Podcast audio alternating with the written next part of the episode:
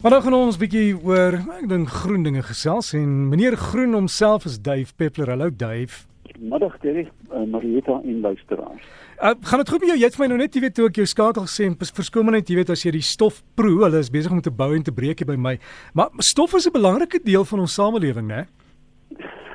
Nie in my lewe op my ouderdom nie. Jy weet ek ek ek ek loop nou daagliks deur 'n tsunami van stof. En ek het net maar moed opgegee en sê bou en karring klaar en dan sal ek skoonmaak. Hmm. Maar daar daar's ook die storie natuurlik van die stof hier van Afrika wat oorwaai en die Amazone aan die gang hou, né? Ja, kyk die dit is verbasend dat ons dit eers agtergekom eintlik nou met satellietbeelde ehm um, wat vrylik nou beskikbaar is dat ehm um, dat die stof selfs die suide van Engeland bereik, uh kind. Party daar, jy weet as jy weer die winde regwaai, dan is daar 'n fyn rooi laagie oor die motors in Kent en almal het altyd gewonder dit kom uit die hart van die Sahara. Dave dan in Amerika het laas jaar gesê dat daar was geen tornado's groot tornado's gewees nie en hier ewe skielik slaan so 50 op 'n slag toe op hulle plekke soos Ohio en die goed het nog nie gestop nie. Ek weet hoekom is daar so breek in in die goed en dan dan gebeur dit weer. Die die die die maklike antwoord is natuurlik dat die weerstelsel van die aarde ten beste as as alles goed gaan chaoties is. Met ander woorde, um, kom ek probeer verduidelik. Indien jy chaos neem, uh, met ander woorde sê net maar die patroon in die korrels uh, van sand op 'n strand, dis totaal chaoties. Maar as jy lank genoeg daarna kyk en fyn genoeg kyk, dan is daar werklik patrone binne hierdie chaos. Nou chaos is stabiel in sy hart. Met ander woorde, die middelpunt van chaos is totaal stabiel, maar die die, die rande van die van chaos is onstabiel. En as jy daaraan begin karring, dan kan dit vreemde patrone neergooi. Een van die voorbeelde is natuurlik die 'n pragtige voorbeeld van die skoenlapper effek dat indien 'n skoenlapper sy vlerke klap in die Amazone, val daar blare in Engeland. Met ander woorde, die aarde se atmosfeer is totaal uh, verbind uh, maar dit is chaoties verbind. So eintlik is dit verskriklik moeilik om te sê waar die prikkel vir die stilte vandaan gekom het en waar die prikkel vir hierdie orkane vandaan gekom het. Gedrewe daar agter is natuurlik klimaatsverandering. Daar's geen twyfel dat dit by die dag erger word. Het ek ook 'n artikel raak gesien dat hulle vra seker van die dieretuine om nie uh, te veel kleintjies te hê nie. Weet van die van die diere daar teel redelike wel redelik vinnig aan en hulle sê hulle daar sal so probleme met van die diere want hulle weet nie wat om daarmee te doen nie dat hulle die diere op 'n uh, geboortebeperking begin plaas. Dink jy dis haalbaar? Natuurlik is dit haalbaar. Jy kan enige dier uh, kan jy behandel.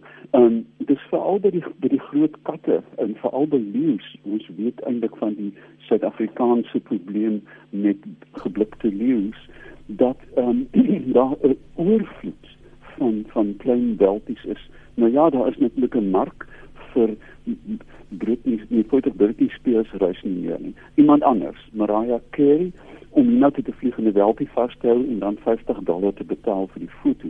Maar wat maak jy met die diertjie as hy naaltjies te skerp raak daarna? Ehm um, uh duidelik is dit nie 'n probleem met renosters nie. So, 'n mens moet baie fyn kyk na die um, die aanbod van dieretuine. Dieretuine is nie veronderstel om daar te wees om mense te amuseer soos in die in die Victoriaanse tyd byvoorbeeld. Daar diere voor mense getruid is um, as 'n skouspel. Die dieretuine het 'n opdrag vandag om skaars en bedreigde spesies uh, te probeer red van uitsterwing. En gevolglik moet hulle dan die algemene spesies soos byvoorbeeld 'n kangeroe wat redelik wyd voorkom dan die die aanwas daarvan te beperk. So ek dink dit is totaal haalbaar. Dit is net 'n bestuursbesluit van die dieretuin. Daai vraag oor die nuwe LED ligte. Jy weet hierdie hierdie helder ligte wat mense buite hulle huise opsit wat dan hemelwaarts amper skyn. Van is verskriklik helder. Het dit 'n invloed op die naglewe en dinge soos uile wat moet jag? ongetwyfeld en daar is deesdae heelwat studies veral in Europa dat ehm um, die dat stede as as eenheid die trekvoels wat seisoonaal oor hulle trek totaal kan verwar. Met ander woorde, ons weet dat in die noordelike halfrond as die winter kom, is daar sogenaamde standvoëls wat kan daar kan bly.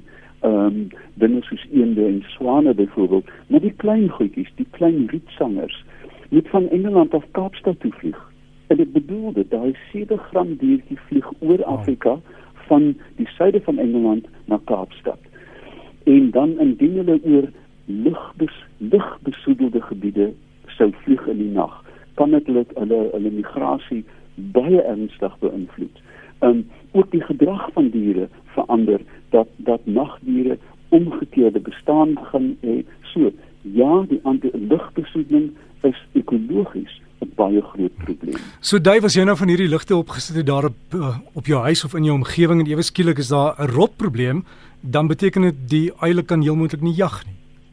Ja, ek dink eile is redelik aanpasbaar as ek na Stellenbosch kyk, uh, hmm. die, die jy onthou seker die laan um, in in in Dorpsstraat. het verbasend baie eile dan Stellenbosch het van die grootste rotte op aarde, dis soos klein katjies. Um, en hulle is nie baie beïnvloed nie. Ek dink dit vergemaklik eintlik hulle taak. Ehm um, hulle is redelik aanpasbaar omdat hulle oë ehm um, die pupille so ehm um, aanpasbaar is vir ligvlakke. Hmm. Maar daar is kleiner diere wat ons miskien nie van weet nie en selfs insekte wat baie sterk beïnvloed kan word deur te veel lig. So Dave en dan 'n vraag wat op SMS ingekom het. Iemand vra is daar chemiese stowwe in die boksmelk wat 'n mens kry? Die langlewe melk of moet jy maar hou by vars? Nee wat. Ehm um, daar staan gewoonlik IHT op hierdie bokse, ultra high temperature. Wat ehm um, wat die pasteurisering van die van die melk word teweeggebring deur die melk baie vinnig na 'n hoë temperatuur. Ek kan nie onthou nie iets soos 88 grade of 85 grade te bring en dan net so vinnig af te koel en dit pasteuriseer. Met ander woorde maak die melk dan steriel. Ehm um, ek dink ons melk wat in in boksmelk is totaal veilig.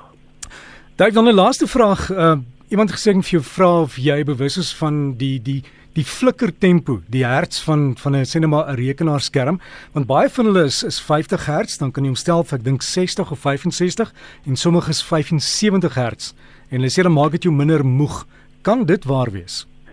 Ek um, ek vermoed dat deesdae jy onthou die ou groot rekenaarskerms so binne soos 'n klein yskas gelyk op jou tafel. Vandag is alles platskerms, maar die meeste van die skerms eh, van deursnit rekenaars het 'n hoë komponent van blou lig. So, indien jy mens, ek dink die flikkertempo is nie so belangrik as die kwaliteit van die lig nie.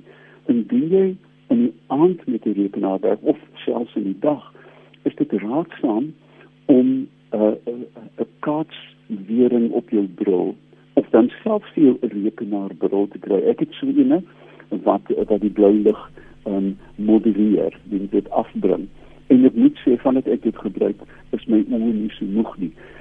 Daar is ook baie duidelike tekens dat um, blootstelling aan aan aan rekenaarskerms en dit sluit natuurlik selfone en tablette in. Ja. Omtrent 'n uur voor jy gaan slaap nie 'n goeie ding is nie so lees 'n boek sing 'n liedjie eet 'n toebroodjie maar moenie op jou foon kyk net voor jy gaan slaap Dave baie dankie ons sal so maak alles van die beste jy's op Facebook né Dave Peppler Ek is op Facebook en daar is 'n ewige stroom van ehm um, van onbelangrike nuus maar nou en dan iets interessant by peppler.co.za So gesels ons saam met Dave Peppler hier op RSG en daai Facebook bladsy gaan soek maar net vir Dave, davepeppler.co.za en kry die inligting daar of dalk kan jy bydra en antwoorde verskaf.